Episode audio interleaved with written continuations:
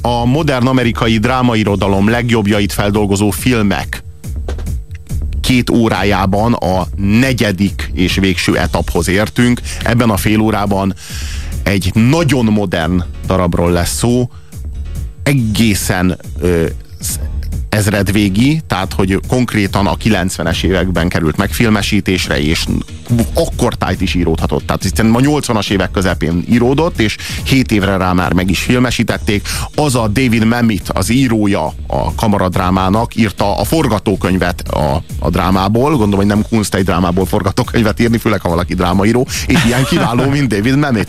James Foley rendezte meg a filmet, egy nagyon ismeretlen filmről van szó, pedig a szereplő gárda hm, Al Pacino, Jack Lemmon, Kevin Spacey, Alec Baldwin, Ed Harris, Jonathan Price. Ez milyen szereplőgárda már? Ezek közül, a szereplők közül egyetlen egy alatt egy filmet konkrétan. Tehát, hogy így az a Al Pacino, Jack Lemmon, Ed Harris, Alec Baldwin, Kevin Spacey, Jonathan Price. Hm.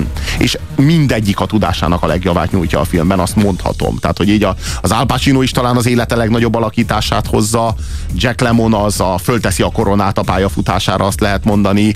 Hát Kevin a, Spacey még gyakorlatilag mondjuk, ismeretlen, és a... Igen? Ez, ez olyan fajta kijelentés, mint hogy a legjobb alakítása ever, tehát hogy ez egy kifejezésként, de hát azért mindannyiuknak vannak még olyan alakításai, amelyekkel nehéz lenne versenyeztetni. Na jó, de együtt, ezt az alakítást. Ennyien, egy de ilyen együtt darabban... itt ennyien, tényleg, hogyha ezt megfontoljuk, nagyon meglepő, hogy ez nem egy sokkal is ismertebb film. Ez egy kultuszfilm kéne, hogy legyen, és nem ismeri senki. És tematikájában sem olyan váratlan, hogy most hirtelen nem tud vele mit kezdeni a néző, hanem mert nagyon tulajdonképpen az... beilleszkedik ez is egy, egy vonalba, hiszen közvetlenül mi bármikor kapcsolhatnánk az előző filmmel, amiről beszéltünk. Nagyon könnyedén, hiszen én úgy vélem, hogy ez a film a 90-es évek ügynök halála. Aminek a címe, nem tudom, mondtuk már? Glengarry Glen Ross. És talán senki nem is ismeri, pedig ez a film, ez a talán az egyik legerősebb modern dráma, amit valaha életemben volt alkalmam látni. Az alakítások is frenetikusak benne, és, és, és a kapitalizmusnak egy olyan mélységes, olyan alapvető kritikáját fogalmazza meg, hogy az már tényleg kőkemény. A, a, az Al Pacino tulajdonképpen az egyetlen figura a filmben, aki szakmailag és erkölcsileg egyaránt a topon van, különben arról van szó, hogy, hogy mocskos rohadt szemét hajhászok és szerencsétlen nyomorult ügynökök kapcsolata az, ami zajlik a filmben. Igen, tehát hasznos lesz, hogyha kicsit részletesebben itt is azért elmondjuk a sztorit, tehát ez egy ügynök cégnél játszódó történet, ahol az felsorolt szereplők alkotják az ügynök stábot, akik tippeket kapnak, hogy hogyan lehet. Tehát ugye az ügynök céget megbízek különböző meg, dolgokkal, amiket el kell adni, mondjuk például ingatlanokkal, és ők ingatlan portfóliókat értesi, értékesítenek. És az ügynökök kapnak tippeket, ugye tippet hogyan lehet tipp, tipp, tippé válni. Például mondjuk az utcán leszólít téged egy ilyen kutató, hogy vajon vásároltál-e ingatlant az elmúlt tíz évben, és hogyha igent válaszolsz, és megadod az elérhetőség tehetségeidet, akkor tippé válsz egy ilyen cég és egy ilyen ügynök asztalán. És ő nekik el kell adniuk ezeket az ingatlanokat. Csak sajnos a teljesítmény nem olyan jó ebben a cégben, hogy a főnökség elégedett lenne vele, és ezért egy tréningre leküld valakit, hogy okítsa a ö, okítsa az ügynököket. Na hát ez a valaki, ez Blake, akit Alec Baldwin játszik, és ebből a jelenetből, ebből az ő kis beszédéből ez egy céges tréning, tehát ez egy eligazítás a dolgozók részére, gyakorlatilag felfeslik a kapitalizmus valódi arca. Marx sem mondta volna szebben. Egy kis figyelmet kérek, mert miről is beszélnek? Arról, hogy nyavajognak, hogy nem tudnak eladni, vagy valami hülye buzi nem akart elketvenni, hogy nem kell nekik, amit maguk eladnak, vagy meg akarnak kurni egy nőt, stb. Inkább beszéljünk valami fontosról. Mind itt vannak? Egy kivételével. Nos, akkor el is kezdem. Beszéljünk valami fontosról. Tegye már le a kávéját! Az csak lezárt ügyek után jár. Azt hiszi, szórakozom magával? Nem szórakozom magával. A központból jöttem. Mitch és Murray küldött. És kegyeletes küldetésem van. Maga volna Levin? Igen. És ügynöknek nevezi magát maga nyomorult. Nem kell ezt a szart hallgatnom. Nem kell bizony, haver. Mert a jó hír, hogy ki van rúgva. A rossz hír meg az, hogy kapnak, mint kapnak egy hetet arra, hogy visszaszerezzék az állásukat. Mostantól ketyeg az óra. A ma esti ügyfelükkel kezdődik. Ó, Akkor most már figyelnek rám? Helyes. Mert az e-havi eladási versenyt megfejeljük valamivel. Mint tudják, az első díj egy Cadillac Eldorado. Ki akarja látni a második díjat? A második díj egy késkészlet. A harmadik, hogy ki vannak rúgva. Értik már? Vannak tipjeik. Mitch és Murray sokat fizetett értük, maguk meg csak adjanak el nekik. Ha nem tudják nyílbeütni a tippeket, nem tudnak szart se. Tehát szart se érnek. Úgyhogy rajta haver, hozd össze, máskülönben ki vagy rúgva. Mitch és Murray, a meg, megnevezett, de soha meg nem jelenő tulajdonosok, ö, akkor a kurzus keretében tulajdonképpen egy verseny elé állítják az ügynököket, amely versenyen valóban az a díj, hogy bemaradhatnak, kapnak még egy kedileket, késkészletet, de aki harmadikként vagy negyedikként teljesít, az, attól ők végleg elbúcsúznak. Tehát kiélezik a, a evolúciós harcot, mondhatjuk így, tehát túlélsz, vagy pedig belepusztulsz, és ebben a kegyetlen helyzetben egy, egy éjszaka története, hogy hogyan próbálják este, illetve másnap, tehát átnyúlik ugye a másnap, a másnap hogyan próbálják gyorsan ezeket a tippeket megvalósítani, eladni, hogy bemaradhassanak a cégnél és, és életben maradhassanak. Ez, a, ez, amit itt, ez, amit és ahogyan itt előadja magát az Alec Baldwin, ebben a szerepben, Blake szerepében, ez a kapitalizmusnak a, a, a maszkja mögött húzódó r, tényleges céges erkölcs. Ez a céges logika. Ez az, ami, és ezt aztán még lehet persze így izé cizellálni, meg finomítani, de hogyha lehántoljuk rendesen, ahogyan ebben a drámában megtörténik, akkor ez, valójában ez. Így működnek a cégek, és aki ezt a drámát megnézi, annak nagyon alaposan elmegy a kedve attól, hogy, hogy egy multinál dolgozzon. Hogy rosszak a tippek? Rosszak a kibaszott tippek? Maga rossz. Én már 15 éve vagyok a szakmában. Úgy hívják. Kap be, így hívnak engem. És tudja miért, mister? Mert maga hyundai érkezett ide ma este, míg én egy 80 ezer dolláros BMW-vel jöttem. Na, így hívnak engem. A maga neve meg, hogy gyengelmélyű, és ha nem képes állni a férfias versenyt, nem képes üzletet kötni. Akkor menjen haza panaszkodni a feleségének. Mert csak is egy valami számít ebben az életben. Rábírni őket arra, hogy aláírják a szerződésüket. Értik, amit mondok maguk, ki buzik? A, B, C. A mindig, B meg, C kötni. Mindig megkötni. Mindig megkötni.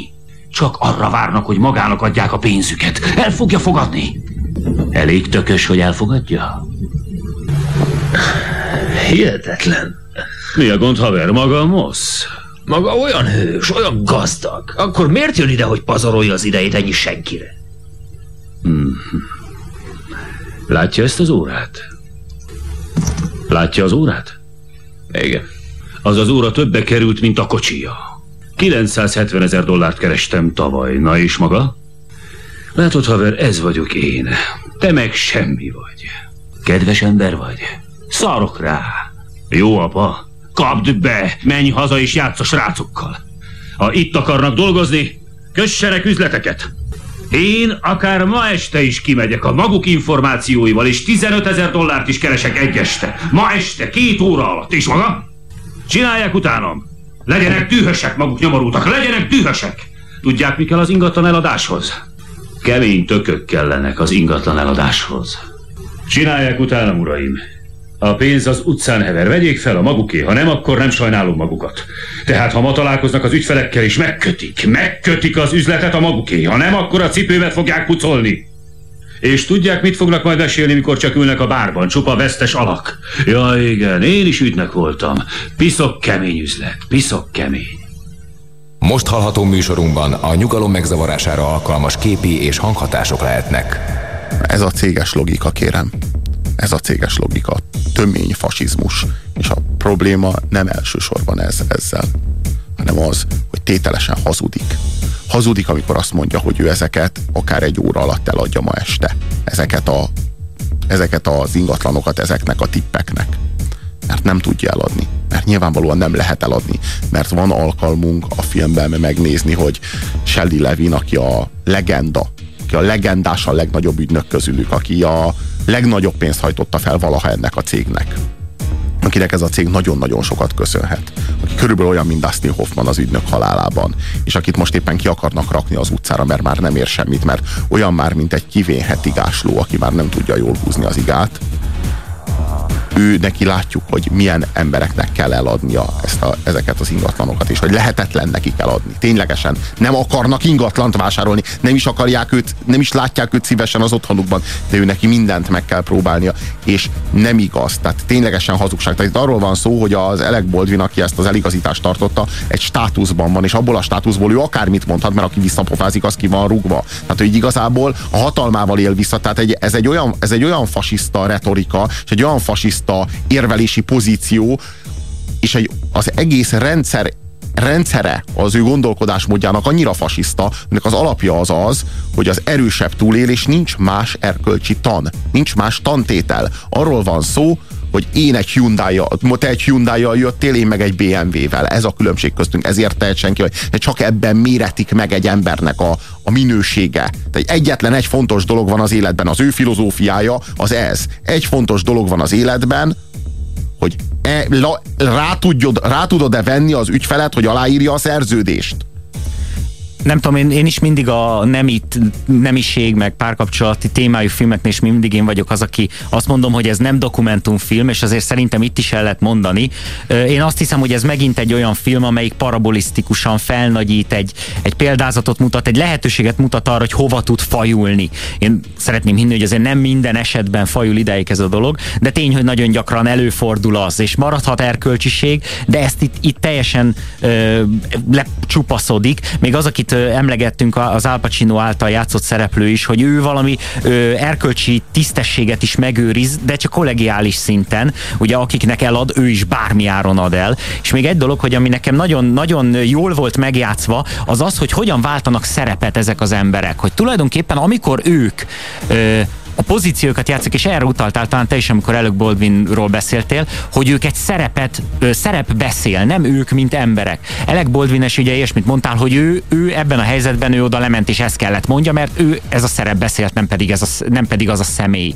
És ugyanígy, amikik ott hallgatják az ő beszédét, és közben hőbörögnek, és mondják, hogy ez igazságtalan, és olyanok, mint mi az utca ember, akiket sérelemért, egy fél perc múlva fölkapják a telefont, megpróbálnak eladni, és beszólnak, hogy ó, nem tudom én, Lövin, Mr. Lövin vagyok, nem tudom, most érkeztem Chicagóból, remek, remek ingatlanokat tudnék eladni önnek, és kedves, behízelgő módon szerepet játszanak, ami szöges ellentétben van azzal, ami az ő valós életük és személyiségük. Az ő tragédiájuk elsősorban az, az övék is, hogy elhitték ezt az amerikai álmot. Tehát, hogy ők azért nem tudnak könnyű kézzel a pofájába vágni az Elek Boldvinnak, hogy te velem így nem beszélsz, te kis csicska, kit érdekel az de le vagy szarva, kilépek én ebből a cégből, és miközben kifelé megy a cégtől, míg a, a 80 ezer dolláros BMW-nek az oldalán a golyós tollat végighúzza. Hogy te velem így nem beszélsz, te kis rohadék.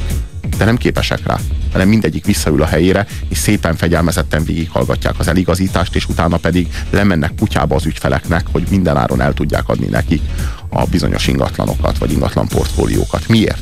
Miért teszik ezt? Miért nem mondják azt, hogy nem érdekel, lemegyek a szem, szemközti McDonald'sba dolgozni, egy kis felelősséggel járó munkát fogok végezni, lehet, hogy kisebb pénzért, de, de egy biztos pénzért, és nem, fogom, nem vagyok hajlandó, tehát kilépek ebből a taposómalomból. A kapitalizmus nem csak az értékesítői állást jelenti, ami a, a legdurvább, tehát azt, le, azt lehet mondani, hogy az a dzsungelen belül is a leges-leges legsűrűbben lakott, és a leges legnagyobb versennyel ö, kecsegtető, vagy inkább azt mondom, hogy fenyegető élethelyzet.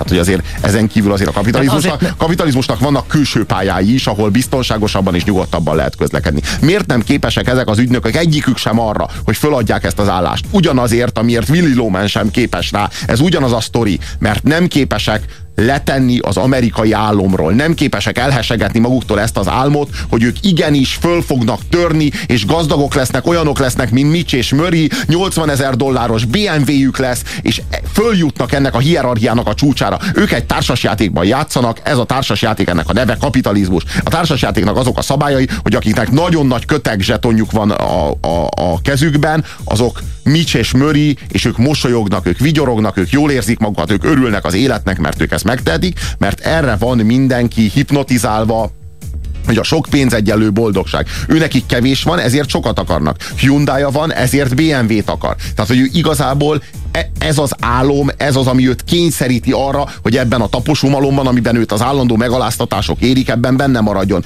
És ennek a, ennek a, ennek a rémálomnak a fenntarthatatlanságát mutatja fel ez a dráma szerintem döbbenetes erővel. Ami, ami még fontos, néhány SMS. Még egyszer a film címét, uraim!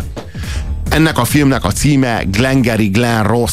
Sziasztok, írja a másik SMS író. Nekem is egyik kedvenc filmem a Glengeri. Sajnos szinte lehetetlen megszerezni. A, az, az egyébként meg lehet szerezni, hogyha, hogyha, hogyha VHS-en, hogyha van még VHS magnótok, akkor sokkal könnyebb dolgotok van, azt garantálom nektek. Még azt írja az SMS író, hogy ahogy Al Pacino behálózza az ügyfelét, az valami hihetetlenül zseniális. Hát bizony, és amikor Al Pacino konfliktusba kerül a Kevin Spacey-vel ebben a filmben, az is egy olyan monológ, az is egy olyan fellépés. Al Pacino itt is a karizmájának a, a legjavát nyújtja, ami hát valóban oda szegezi gyakorlatilag a kedves tévénézőt a karosszékéhez. Te hülye kibaszott f***sz. Te, Williamson, hozzád beszélek házi. Ez 6000 dolláromba került. 6000 dollár. És egy kedélek. Úgy bizony. Most mihez kezdesz? Mit csinálsz az ügyben? Seggfej. Te kibaszott házi. Hol tanultad a szakmát, te hülye kibaszott f***sz, te idióta? Ó, én megkapom az állásot, házi. Bemegyek a központba, beszélek Mitchell és Marivel, elmegyek Lemkinhez. Nem érdekel ki a nagybátyád. Hogy kit ismersz, kinek a seggét nyalod, ki leszel rúgva. Te azért vagy itt, hogy segíts nekünk. Ezt képes vagy felfogni? Hogy segíts nekünk, nem pedig, hogy bebasz nekünk. Hogy segíts azoknak az embereknek, akik igyekeznek megfelelni valahogy. Te b***szi. Te vállalati ember! Mondok még valamit neked, remélem te raboltad ki az irodát, mert mondhatok valamit a barátunknak, amivel talán le tud csukatni téged. Az első szabály, amit tudnál, ha valaha is dolgoztál volna az életben. Sose nyisd ki a szád, amíg nem tudod, miről van szó. Te ki kölyök. Ebben a filmben a fő konfliktus forrását az jelenti, hogy kirámolják az irodát, feltételezhetően az ügynökök közül valaki, egyébként az értelmi szerző az Ed Harris, aki David Most játsza a filmben, és beindul egy nyomozás abban az ügyben, annak az ügyében, hogy vajon ki lehetett a tettes és ennek a nyomozásnak a, a során ezek az ügynökök bizony nagyon komoly konfliktusba kerülnek egymással, és nem csak a törvényel, és emellett pedig az irodavezetővel, akit a Kevin Spacey játszik, Williamsonnal, és, és ezeknek, a, ezeknek a konfliktusoknak a, a rettentő méről feltörő indulatisága, az ami, az, ami az ő élethelyzetüknek a teljes kiszolgáltatottságából táplálkozik. Ez az, ami olyan erőt kölcsönöz ezeknek a jelenléteknek, amelyek ebben a kamaradrámában megjelenítődnek, ami, ami, ami annyira modern, tehát hogy így talán hallottátok, hogy milyen nyelvisége van ennek a, ennek a drámának, tehát hogy ez már nem, nem, nem Tennessee Williams világa. Igen, ugye a Tennessee Williams kapcsán említettem, hogy ott milyen szigorítások voltak. A 20 évvel, vagy nem tudom, tizenvalahány évvel későbbi Nem félünk a farkastól, ott is van egy pillanat, ahol e, azt ír, e, tehát azt hangzik el Elizabeth Taylor szájából, hogy, hogy damn you, ez, azaz légy átkozott, ez hangzik el, mikor belépnek a vendégek az ajtón.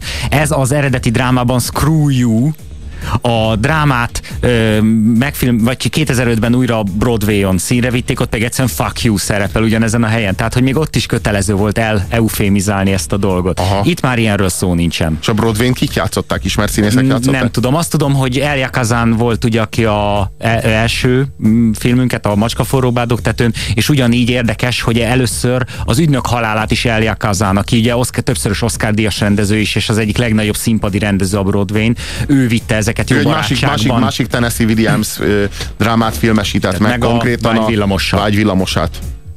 Marlon Brandóval. Igen, igen. Szóval az, a, az, ami, az, amit fontos ezzel a filmmel kapcsolatban tudni, a Glengarry Glen Rosszal kapcsolatban tudni, hogy egy rett rettentő, nagyfokú kapitalizmus kritika, egy mélységesen baloldali, ihletettségű darabról van szó, és úgy gondolom, hogy vannak ezek a színészek, akik amúgy milliókat, meg milliárdokat keresnek a különböző filmjeikkel, és hogy bizony úgy vélem, hogy van bennük egy nagyfokú elhivatottságtudat, hogy azért a, a, a, a, színészi, át, a színészi képességüknek a, a, a legjavát is olyan filmekben kamatoztassák és mutassák fel, aminek nagyon erős üzenete van, és nem lehet véletlen, hogy ebben a drámában a leges legutolsó mellékszerepet is hatalmas Hollywoodi És nem csak, a, nem csak a, a mondani valóban van ez, hanem ne feledjük dráma, tehát színpadi színész, tehát nem színpadi színészek, vagy nem csak azok, de filmben drámát játszanak, itt azért a színpad, színészi tudásnak is egy olyan nívója kell, ami, ami magasabb annál, mint ami bármilyen filmben elmegy. Pont a dráma miatt. Tehát itt lehetőséget kapnak arra, hogy színészként is villancsanak. Szóval ez volt a mai négy filmünk amit mindegyiket nagyon-nagyon jó szívvel ajánlunk nektek. Én a Glengarry Glen Rossra szintén egy nyolcast adok. Én hetest. A négy film, amit mindenképpen meg kell, hogy nézzetek, ez a Glengarry Glen Ross, ez a Nem félünk a farkastól, az ügynök halála, valamint a macska a forró bádok tetőn.